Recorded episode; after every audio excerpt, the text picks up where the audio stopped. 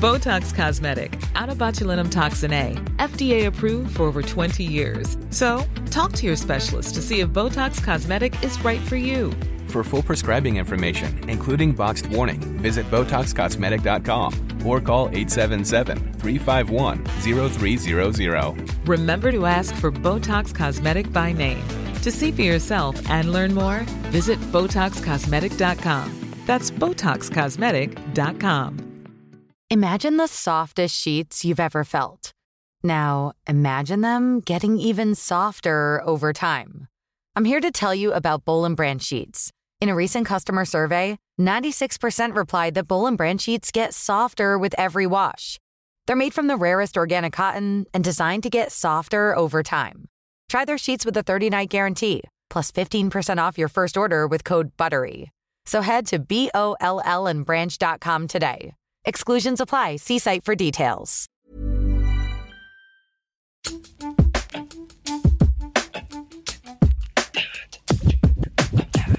Välkomna till det svåra 101 avsnittet. Vi är inne på vårt andra sekel om man säger så om avsnitt. Oj, oj, oj. Det här är Britta och Parisas podcast som varje vecka går loss inom kultur och nyheter. Eran machete i misären, er frälsare i filen. Denna gång en otroligt omdiskuterad roman som precis har kommit ut på svenska.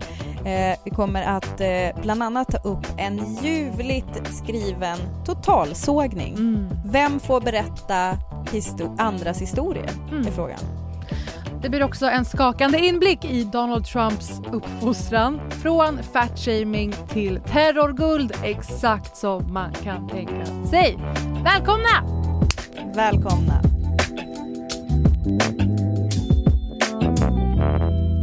Går du i väntans tider nu kan man säga. ja, alltså adventans tider. Mm. Absolut. Nej, men jag tänker inför den här prövningen, är det nästa vecka? Eh, ja, eh, när det här släpps så är det ju ganska precis en vecka kvar. Mm. Eh, till alltså Musikhjälpen. Jag tänker hur förbereder man sig? Har du börjat lägga om dygnet? Har du börjat... Är du så här, är du on hela tiden hemma? Går du runt och är en livesändande person med din familj? Nej, alltså jag är ju typ helt tvärtom. Men Parisa, jag har ju blivit satt i äkta karantän. Ja.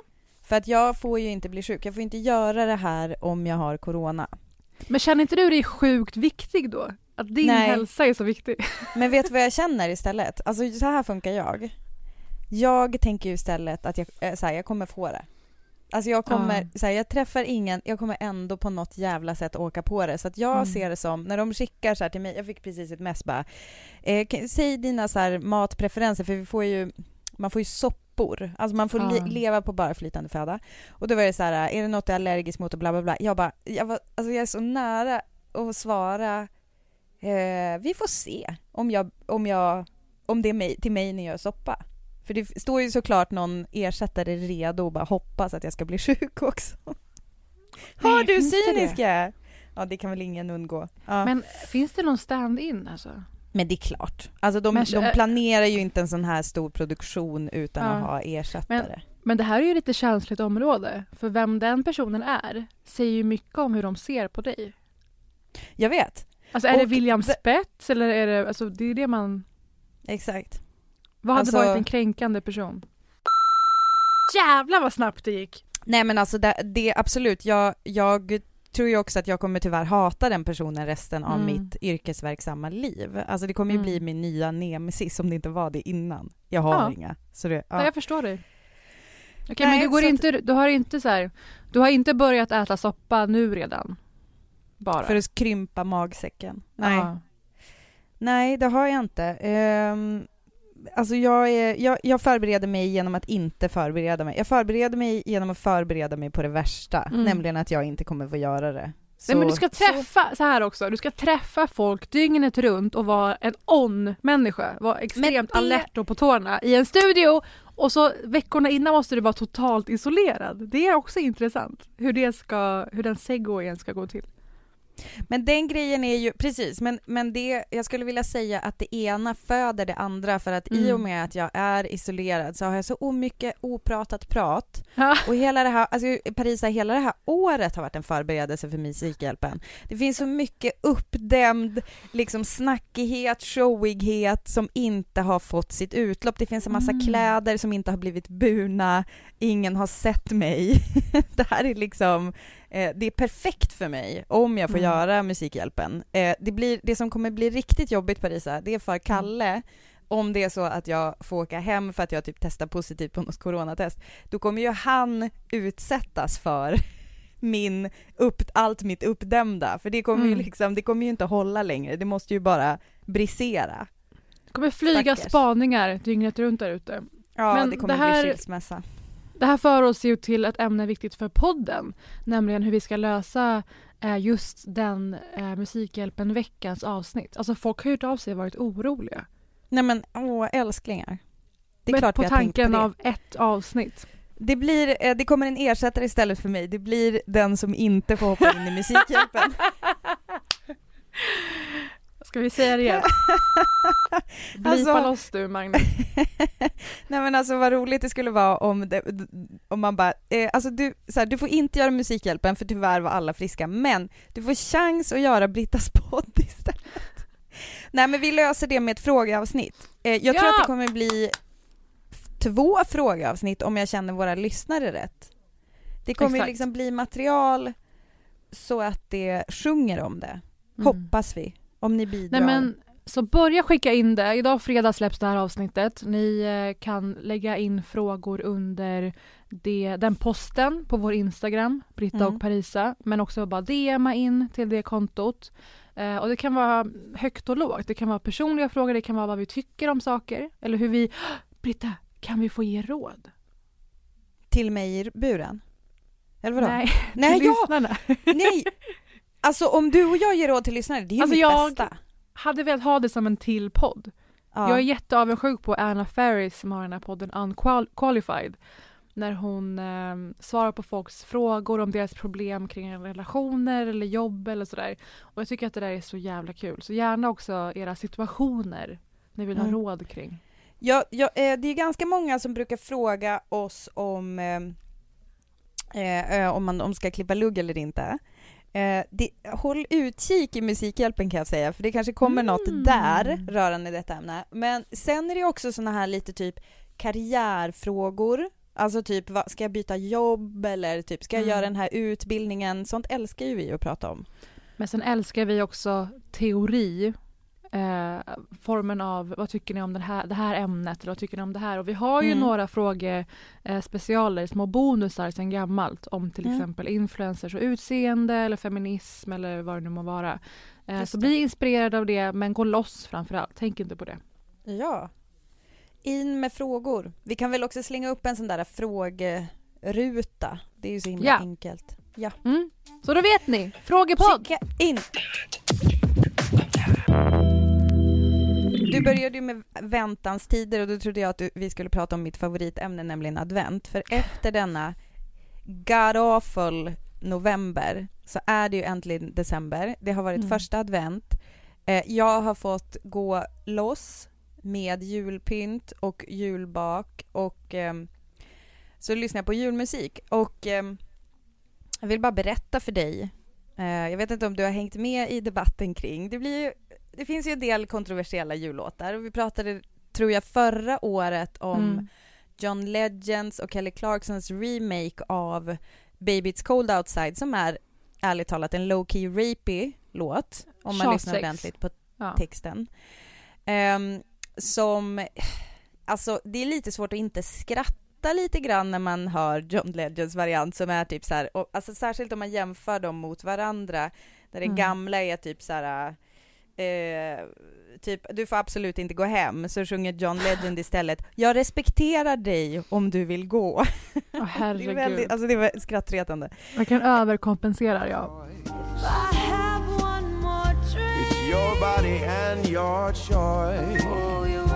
Men då, eh, en sak som jag faktiskt lite hade missat är kontroversen kring The Pogues, eh, Fairy Mm. Tale of New York. Eh, för de sjunger ju både faggot och slut i eh, den låten.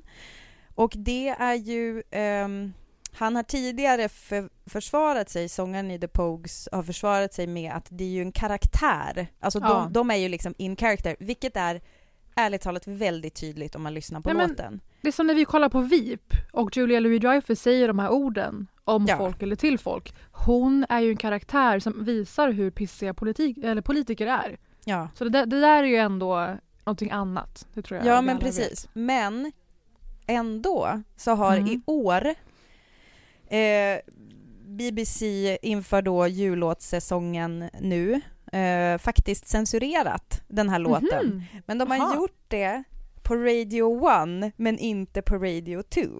Alltså ungefär Okej. motsvarande som att de skulle ha gjort det på P1 fast inte i P3. Så det är ju liksom ett intressant eh, val. Alltså det är som att en viss publik klarar inte av att höra det. Mm. Men en Så annan det. ungdomspubliken är de som inte får höra? Nej, ungdomspubliken är de som får höra som jag har Mm. fattat det. Eh, ja, så så har BBC gjort med The Pogues. Men gud vad intressant för det är ju den äldre publiken som är de som kanske har de referensramarna eller är uppvuxna annan tid när det där var mer slentrian. Men de får alltså inte höra F och S-ordet. Ja, exakt. Men de här liksom Dua Lipa, Rihanna-lyssnande ungdomarna, de ska Mm. få gå loss. Helt enkelt. Så som jag har fattat det. Det är möj- Ja. mycket möjligt att jag har liksom eh, bland, eh, jag, tror, jag tror att det är så. Mm. Eh, det är ju intressant att inte vara konsekvent. Att man resonerar som att det här kan vara skadande för Mm. en viss publik men för en annan publik inte. Alltså det är ju, Mm. det man skulle tycka är ju kanske mer att de mm, gör det utifrån ett, en policy som företaget har i stort angående bruket av den typen av språk. Alltså jag lyssnar ju på jullåtar sen eh, kanske oktober, så fort det Ja. börjar bli mörkt. Ja, ja, jag har inga gränser. Jag har ingen att förhålla mig till. Jag, jag anar på dig att du, när du säger att du har fått gå loss, att du Mm. måste förhålla dig till andra personer i hushållet som kanske inte är lika helsålda på idén. 100 procent. Jag började i början av november, men det har varit till, alltså till många, alltså då har jag också fått höra mycket klag. Så Mm. att nu är det mer som att klaget har tystnat. Oh, en månad utan klag! Hur känner du kring det här att Trump eh, nästan ockuperar Vita huset?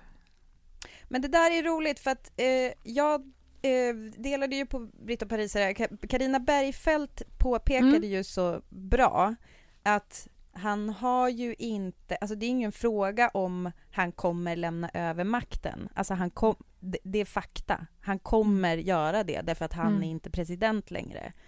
Eh, och militären, eh, alla, ja, alla liksom upprätthållare av eh, ordning och reda i landet är ju, lyder ju till presidenten som Mm. är Joe Biden. Det är liksom Mm. inte någonting, de behöver inte ett grön, en tumme upp från Trump. Men eh, sen så är det ju frågan hur svårt de kommer göra det. Eller svårt han kommer göra det för dem. Mm. Nej, men också det, här, senaste? också det här obehagliga att konstant underminera och undergräva förtroendet för eh, rättssamhället och staten. Så det kan ju ändå ha sina konsekvenser även om man faktiskt lämnar Vita huset innan den 20 januari när president-elect Biden ska tillträda. Men jag tror att det här dagliga eh, pikandet, numera säger han att det är big tech som ligger bakom det här röstfusket. Han hittar nya vaga fiender hela tiden. Vem man ska Mm. liksom pinna det här på. Eh, det senaste jag såg var att Mike Pence, hans eh, überkristna vicepresident som hade en fluga i håret på en av debatterna, att han kommer eh, ta avstånd snart från den här kampanjen. För han vill ju rädda sin politiska framtid på något sätt. Mm. Eh, Men så det där pågår. Så Biden håller på att utse statsråd för fullt och kör på med sitt förberedande, sin process. Samtidigt som Trump varje dag insisterar att det kommer hända mycket innan Mm. 20 januari. Ni kommer inte kunna stjäla det här valet.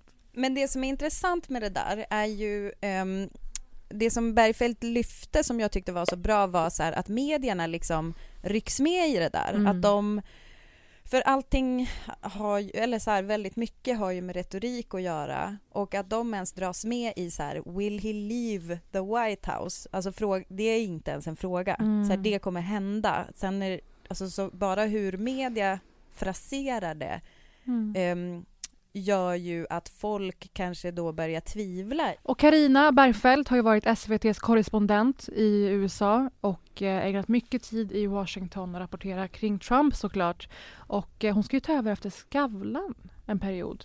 Tio veckor tror jag hon är hans vikarie. Jättespännande.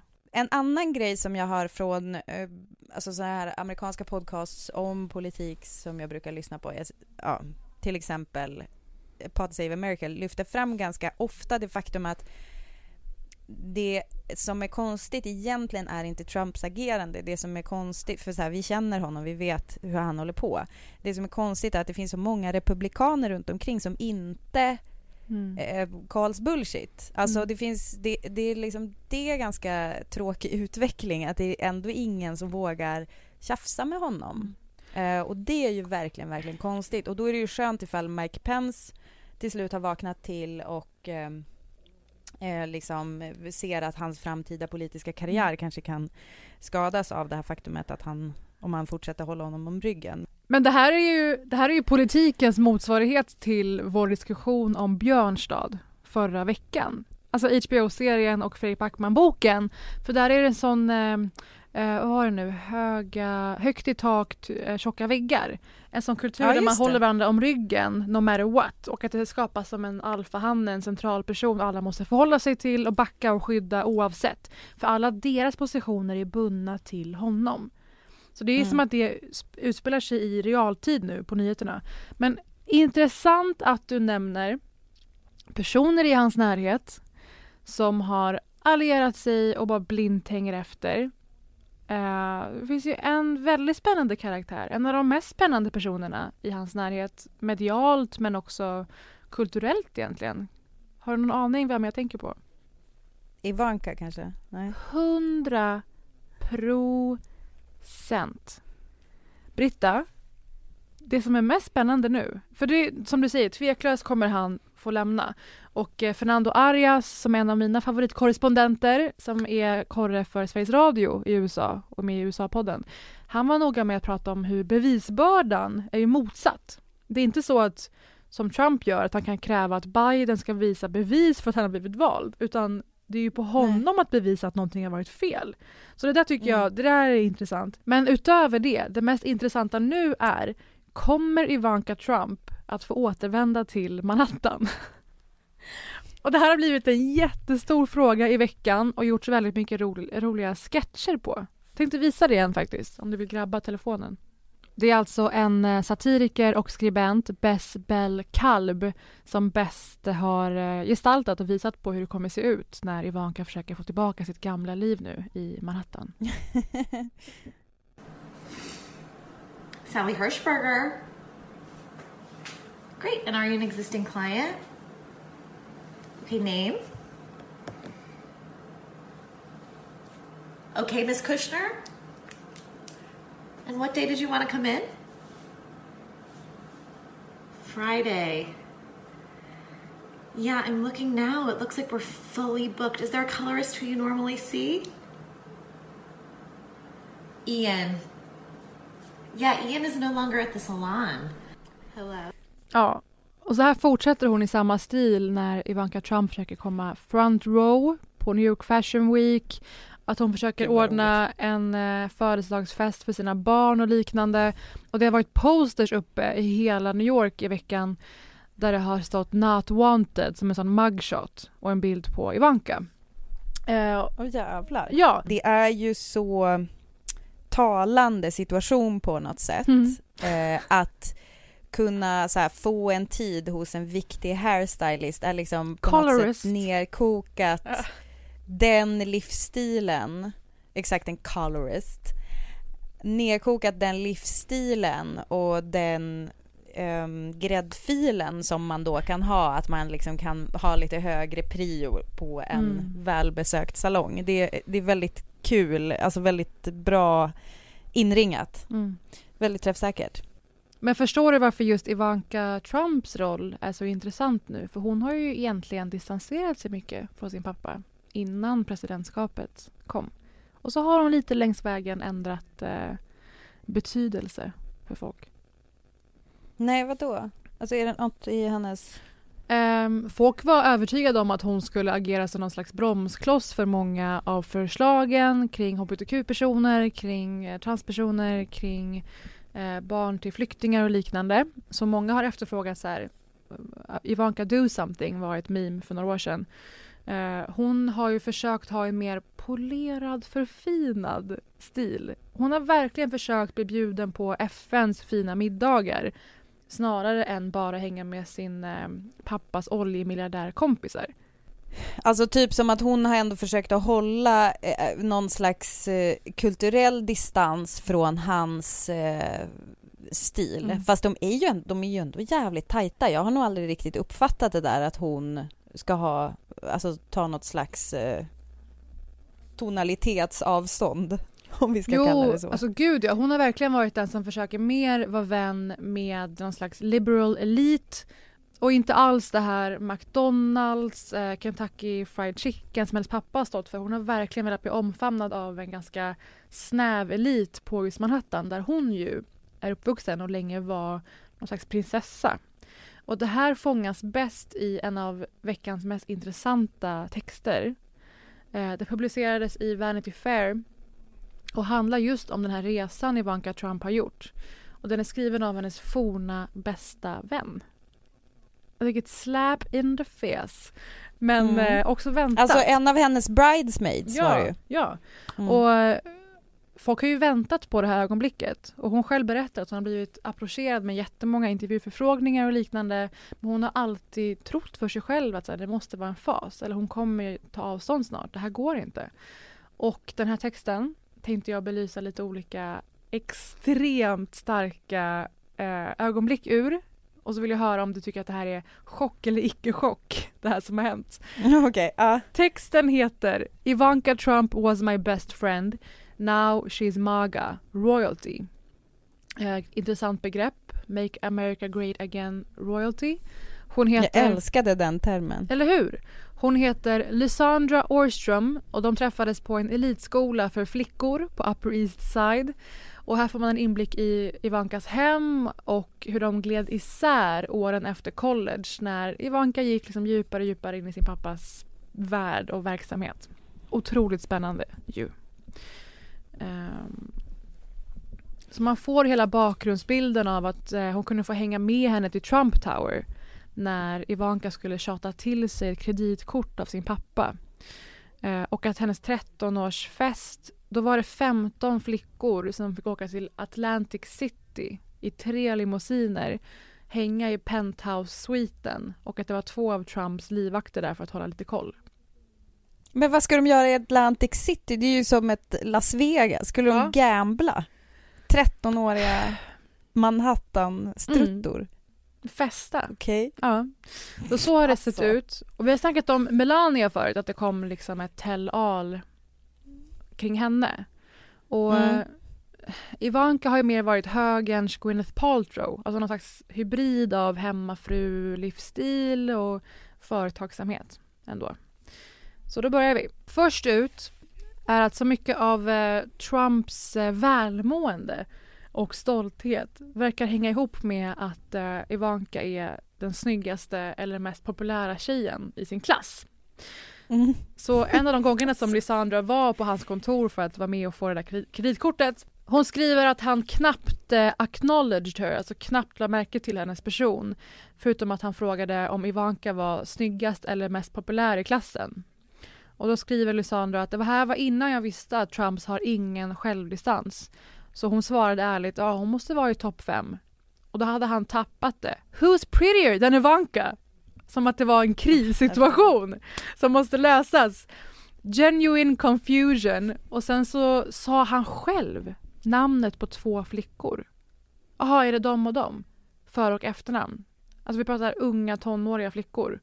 Och han beskriver ena som en ung Cindy Crawford. Fantastisk figur. Är det här någonting dina föräldrar ägnade sig åt? Absolut. Det är faktiskt helt sjukt. Jag skulle precis säga det. Säger inte alla pappor så om, om ens 13-åriga kompisar? Åh herregud. Eh, och det här är bara början. Förutom att Trump aldrig hade koll på Ivankas bästis namn, alltså Lysandra, så hade han alltid koll på förändringar i hennes kropp. Alltså vi snackar Åh, precision. Hon och Ivanka åt lunch på Trumps nu ökända resort Mar-a-Lago i Florida. Och då kom Trump förbi med sin son Don Jr. Han verkar ju vara mest besatt av sin pappa, verkligen. Ute och twittrar och håller på. Och eh, Don Jr, alltså sonen, hade roffat åt sig halva Lysandras grillade macka från hennes tallrik. Och eh, Ivanka började skälla på sin bror men Trump kommer till sin sons försvar med detta citat när hans son har snott någons halva lunch. Don't worry, she doesn't need it. He's doing her a favor.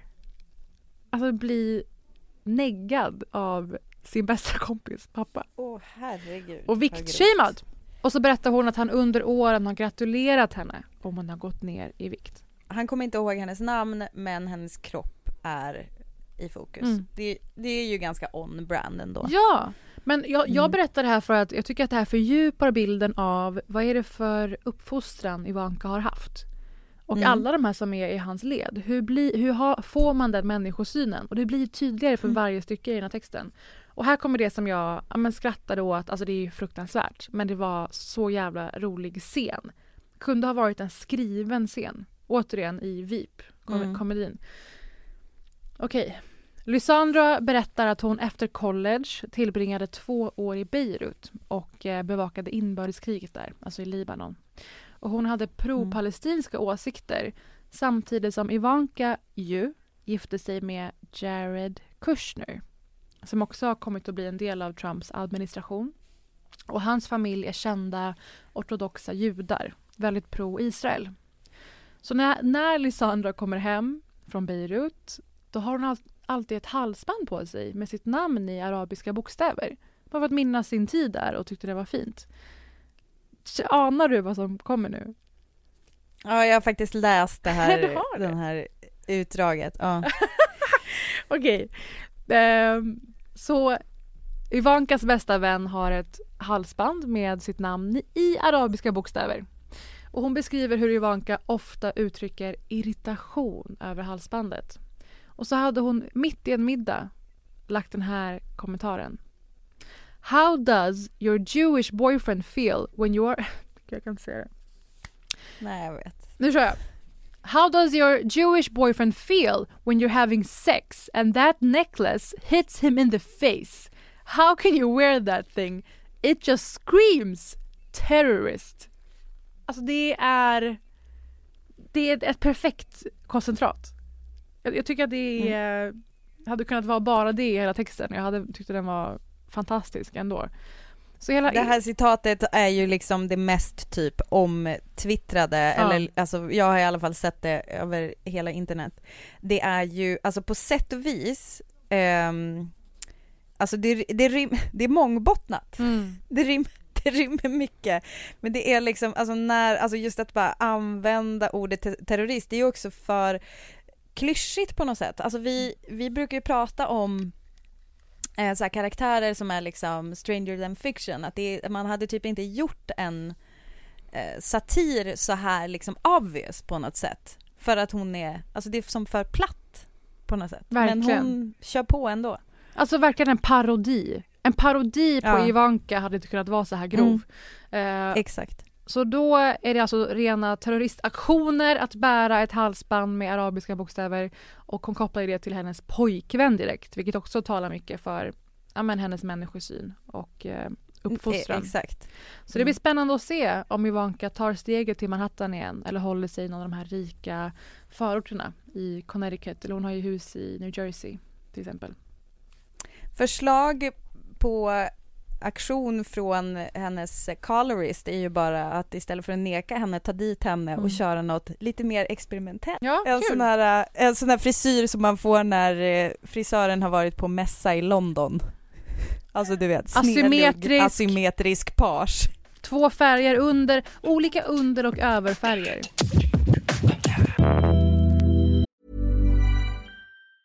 Imagine the softest sheets you've ever felt.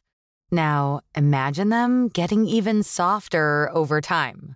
I'm here to tell you about Bowl and Branch sheets. In a recent customer survey, 96% replied that Bowl and Branch sheets get softer with every wash.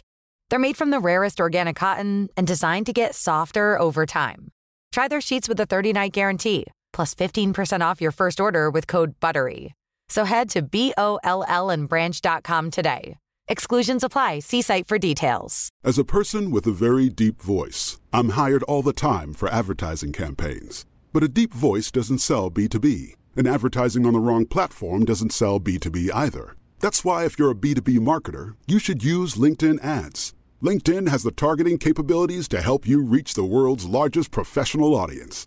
That's right, over 70 million decision makers all in one place. All the big wigs and medium wigs, also small wigs who are on the path to becoming big wigs. Okay, that's enough about wigs. LinkedIn ads allows you to focus on getting your B2B message to the right people. So, does that mean you should use ads on LinkedIn instead of hiring me, the man with the deepest voice in the world? Yes. Yes, it does. Get started today and see why LinkedIn is the place to be to be. We'll even give you a $100 credit on your next campaign. Go to linkedin.com slash results to claim your credit. That's linkedin.com slash results. Terms and conditions apply. Jag fick den här boken i brevlådan, Amerikansk jord. Ja. Har, du fått, har du den?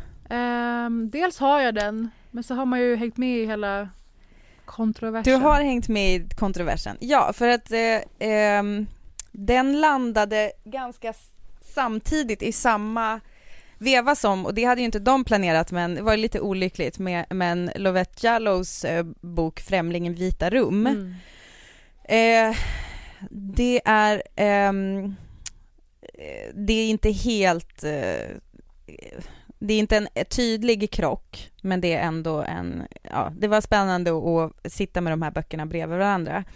Eh, Amerikansk jord av Janine Cummins är en bok som kom med ett eh, litet brev från förläggaren Mhm. som tog upp kontroverserna. Eh, och eh, det gjorde såklart att jag eh, var tvungen att djupdyka i dem istället för att djupdyka i boken. Oj. Så funkar jag. de, Så funkar jag. De lär alltså Någon med bara tryck brev. inte på knappen.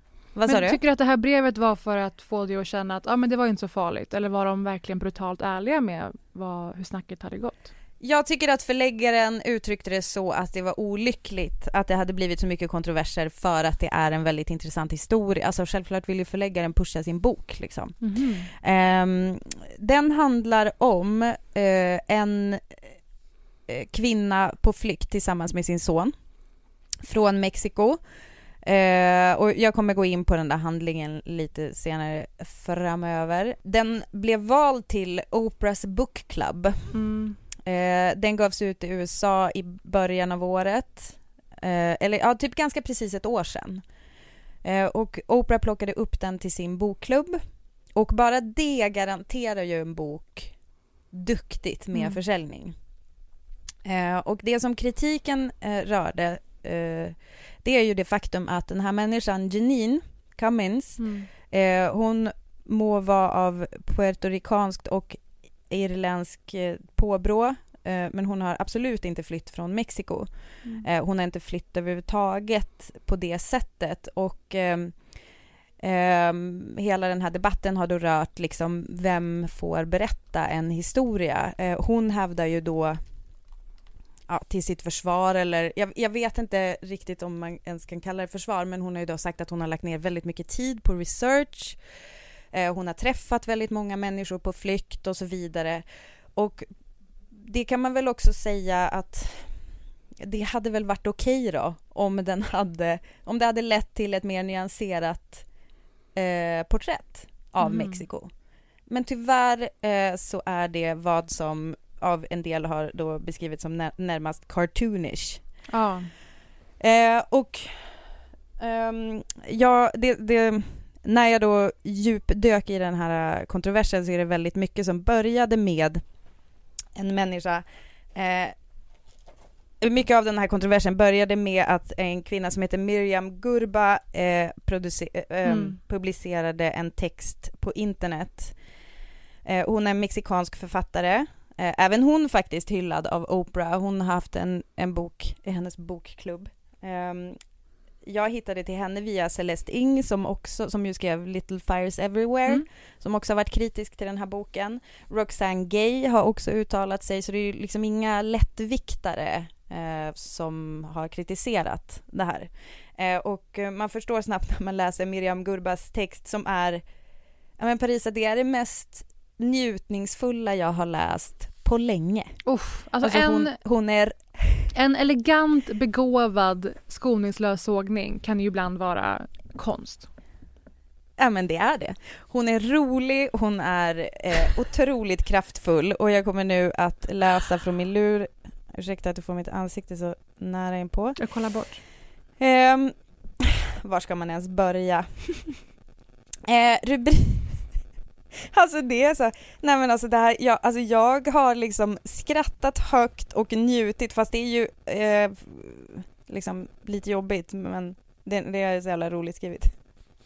Eh, eh, hennes text har rubriken Pendeja you ain't Steinbeck. My bronca with fake ass social justice literature. Mm. Miriam Gurba har då blivit ombedd att recensera den här boken. Eh, och eh, det försöker hon göra men det eh, slutar i ett hate read som hon beskriver det.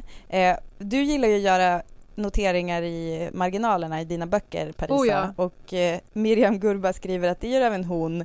Eh, tyvärr väldigt ofta blev det bara Bendeja please. Ja. Before giving me a chance to turn to chapter one, a publisher's letter made me wince. Så citerar hon då. The first time Janine and I ever talked on the phone, the publisher gushed, she said migrants at the Mexican border were being portrayed as a faceless brown mass. Mm. She said she wanted to give these people a face.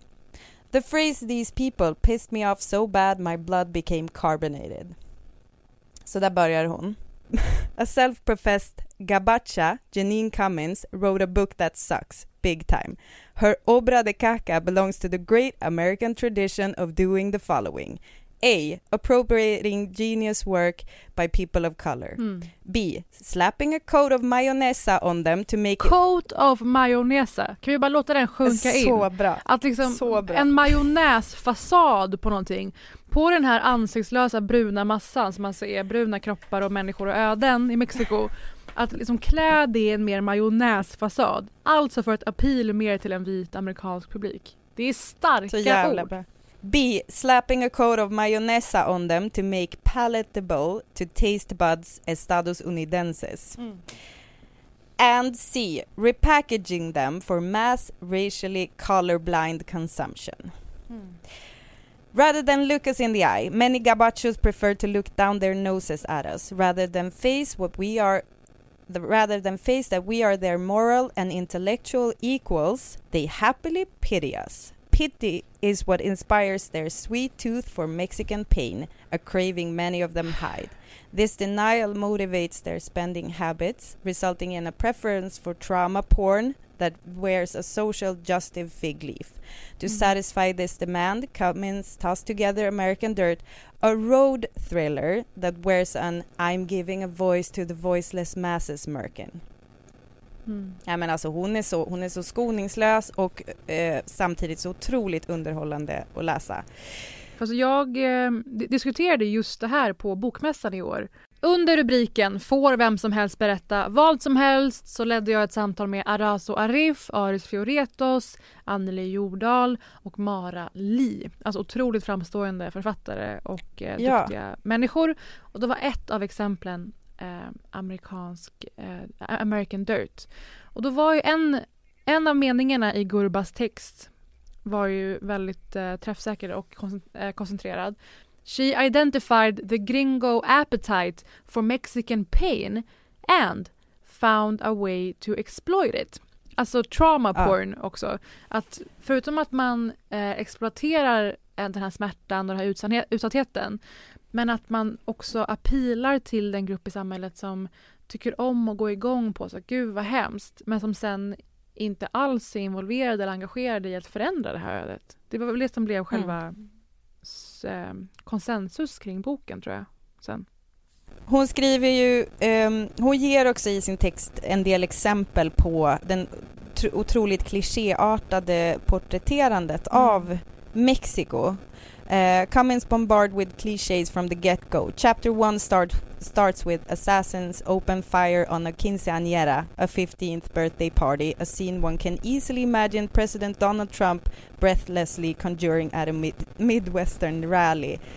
With their family annihilated by na- narco traffickers, mother and son embark on a refugee's journey. They head north, or, as Cummins of- often writes, to El Norte, an italicized Spanish word, words like carajo, mijo, and amigo litter the prose, yielding the same effect as store-bought taco seasoning. Alltså hon är så jävla bra och rolig. Avslutningsvis i då hennes recension som då inte blev publicerad till slut utan Mm. hon fick, eh, de, hennes eh, eh, uppdragsgivare blev så rädd för att publicera den här totala slakten så att hon fick istället ett kill fee, alltså hon fick, en, hon fick betalt 30% av, av sin lön Mm. för att de liksom dödade hennes eh, eh, recension. Mm. Eh, men den avslutar hon med Cummins failure to approach death with appropriate curiosity and humility is what makes American Dirt a perfect read for your local self-righteous gringa book club. Gringa Book Club, alltså döper vi om BP Bokklubb? Hashtag Gringa Book Club. Fy fan vad borde vi hårt kunna göra. och fy fan vad rätt. Eh, och apropå då den här Janine Cummins vilja att ge The Faceless Mass eh, en röst Mm. som hon då kallar These People ehm, säger Miriam Gurba så här Step aside Jesu Cristo, there's a new savior in town, her name is Janine. Mm. Saviors terrify me. They always fuck things up, often by getting people killed. And if you don't believe me, look closely at the first four letters of the word Messiah. Alltså Messi. Åh Jävla herregud vad roligt. Ska vi upprepa det? Miriam Gurba, en eh, författare, eller en skribent. Miriam Gurba har bland annat skrivit en bok som heter Min som jag tror var den som eh, blev så här Oprah Book Club vald. Mm. Eh, så det kan man ju kolla upp eh, eh, om man liksom jag blir mer sugen på att läsa den här. Så nej, eh, Amerikansk jord kommer inte bli BP Bokklubb Nej. vald. Eh, men man kan istället läsa Miriam Gurba. Vi har ju pratat lite grann om eh, att visst kan man göra fel liksom. Alltså att man kan typ råka göra något rasistiskt och att det lite grann också handlar om hur du då hanterar det.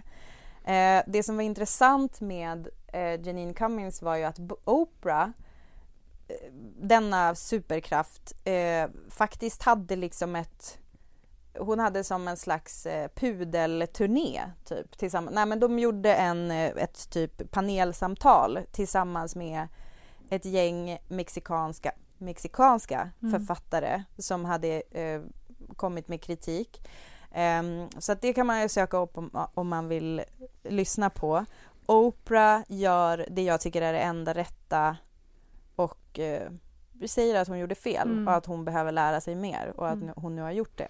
Men en annan, en intressant grej som den här Janine Cummins gjorde var att hon bland annat skulle då för att typ legitimera henne eller hennes liksom rätt att skriva om människor på flykt var att hon Mm. hade fått inblick i det här genom sin man som var då typ en papperslös immigrant Mm. till USA. Eh, vilket land kom han ifrån? Eh, Irland. Ja. Jag vet inte om du har sett några irländska barn i burar vid gränserna, Mm. Parisa?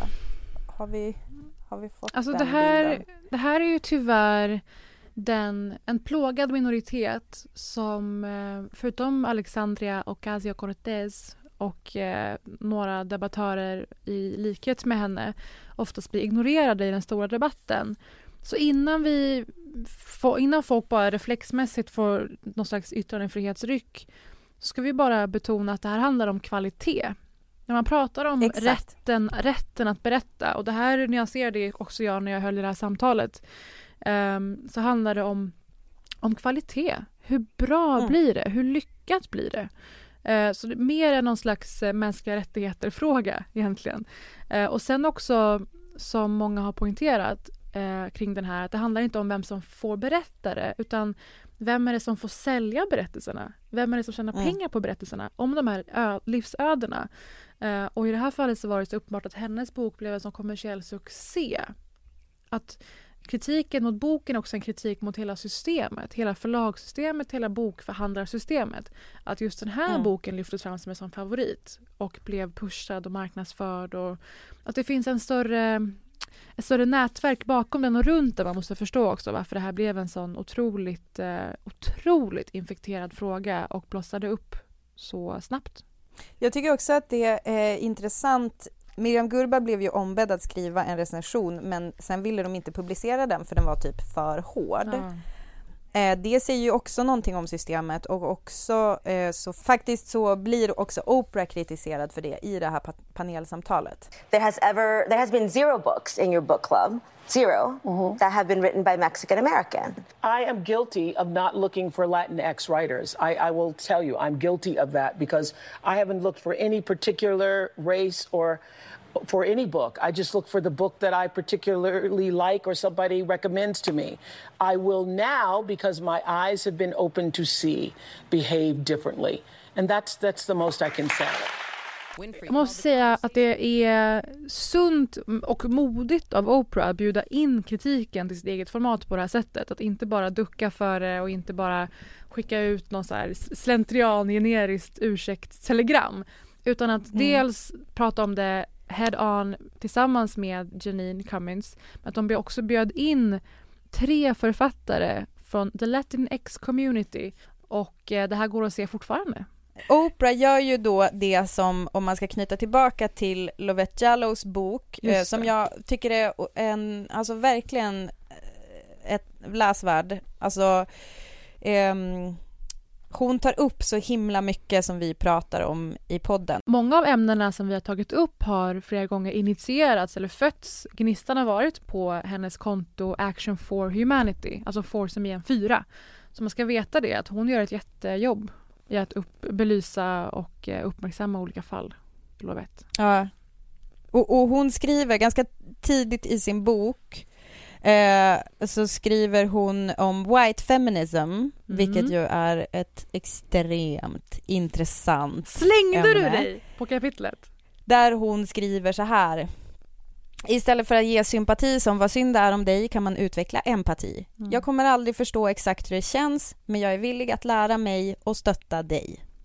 Och det är egentligen det som, ja, det kan man väl ändå säga att Oprah gör här. Mm. Janine Cummings brott här är ju att hon kanske var för mycket i empatin och kanske för lite i att faktiskt lära sig. Att Mm. faktiskt gå in i att undvika klichéer, att se på människor då som sina jämlikar istället för att se dem liksom lite snett ovanför som typ klapp på huvudet stackars er. Men nu kommer ett till Björnstad, nu kommer en till Björnstad-referens. Förlåt. Ja, Och det är ju regissören till den HBO-serien, Peter Grönlund, som ville belysa en viktig fråga. Liksom Janine ville belysa en viktig fråga, får vi hoppas att det någonstans var hennes ambition att förmänskliga ödet kring eh, refugeefrågan och sådär, papperslösa. mm. Men, det är, men utförandet är så viktigt. Hur Ja. man går tillväga. Så när Peter Grönlund gjorde den här, tycker jag, skadliga, märkliga våldtäktsscenen så tappar ju ehm, syftet där. Det Mm. tappas bort. För då blir det att man bara vill åt sensation och drama eh, och då exploatera den här viktiga frågan istället. Alltså där går väl gränsen mellan exploatera och eh, att faktiskt vara engagerad och göra något vettigt. Som av en händelse så har jag avslutningsvis en Eh, jag lärt känna en ny person, en ny favoritperson genom vår gemensamma eh, kompis eh, Brené Brown. Hon Man hade- vet, man vet att när vi säger vår kompis, det är någon vi aldrig har pratat med och aldrig någonsin kommer få prata med, varenda gång. Exakt. Men eh, Brené Brown hade, hade i sin nya podcast som jag såklart har tipsat om tidigare, eh, hon intervjuar en författare som heter Gabi Rivera. Gabi Rivera har skrivit en eh, otroligt hyllad eh, roman som heter Juliet takes a breath. Eh, som är en slags coming of age, här, young adult eh, roman eh, som handlar om en lesbisk, alltså det är typ en LGBTQ-bok i latinx miljö. Eh, Gabi Rivera är själv uppvuxen i New York och eh, med puertoricanska föräldrar. Hon har skapat en karaktär som heter America Chavez som är då en eh, ny superhjälte och Marvel och hon berättar om hur det lät när Marvel kom till henne eh, och bad henne skapa den här karaktären. Who are Joe Casey and Nick Dragata, and how did they find you? they created America Chavez, right? Like she Mhm. is their creation. They manifested her to be Latina and queer. They did really good work developing her character for the Marvel universe. And then who found me is a just the sweetest, smartest editor guy named Will Moss. He worked on like Spider-Man, oh, just all sorts of like uh, Howard the Duck, all sorts of random comics from Marvel. But he was put in charge of pulling together the team for America, the solo series. Um, and what I love to share about Nick's story is that he's a white guy, right? A softy feminist, intelligent white guy who wants to do what's best for his kids and, and the world. And so instead of saying, we're going to do America Chavez with Nick, Harry, and Joe, same team, same crew, he did his work, right? And he read books by Latinas and by queer people and like went out of his way and did good research, right? And through that research, he found Juliet Takes a Breath. And so he passed it around at the Marvel headquarters and they reached out to me just off of like them reading that book. Like I was at work at my LGBTQ nonprofit job, right? And I get this email from Marvel. and that, that was like so surreal. Men vi påminner igen då om Frågepodden. Det- Ja. Vi får ju roliga frågor av eh, lyssnarna. Nej men ni är jättebra på att skriva frågor. Det kommer, det kommer bli otroligt kul att svara på Mm. dem. Eh, så kör på. Högt och lågt som vi älskar. Sen vill Den jag, mixen. men jag vill ha, verkligen ha en sån Frasier-funktion någon gång i mitt liv. Att folk ringer in om sina liksom, tvivel eller funderingar eller liksom, livsproblem och man sitter där. Och, alltså, så roligt att inte behöva liksom, ta ansvar för det. Som med en vän eller så som har problem med en pojkvän. Om man är öppen med dem med att han är sämst. Du vet hur Ja. jobb, jobbigt det kan bli om de sen blir ihop igen eller och han får veta att man har varit anti. Så jag, Ett det är ett, 100%. eller hur? det är skönt friläge att bara få reagera på era berättelser. Eh, Så langa in dem. Och sen Mm. också vill vi ha fler frågor från killar, för det har efterfrågats av våra killlyssnare. Alltså, kan inte ni berätta grejer om typiska fördomar eller stereotyper kring killar också? Här har ni er chans. Har ni funderingar? Har ni öppna frågor? Har ni specifika frågor? Skicka in dem. Och gud vad roligt. Jag, äls- jag skulle älska om det var en massa killfrågor. Så kanske vi lägger dem separat för att det kommer bli så himla bra. Ett särskilt killavsnitt.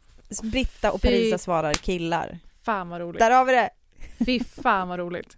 Okej, men tack för ännu en kul vecka, hörre ni. Eh, ni får hänga med oss på Britta och Parisa på Instagram. Och vi, eh, vi kör på. Glad andra advent i förskott. Puss på er. Puss! Skicka gärna styrkekramar till mig i min karantän. Ja! Hej!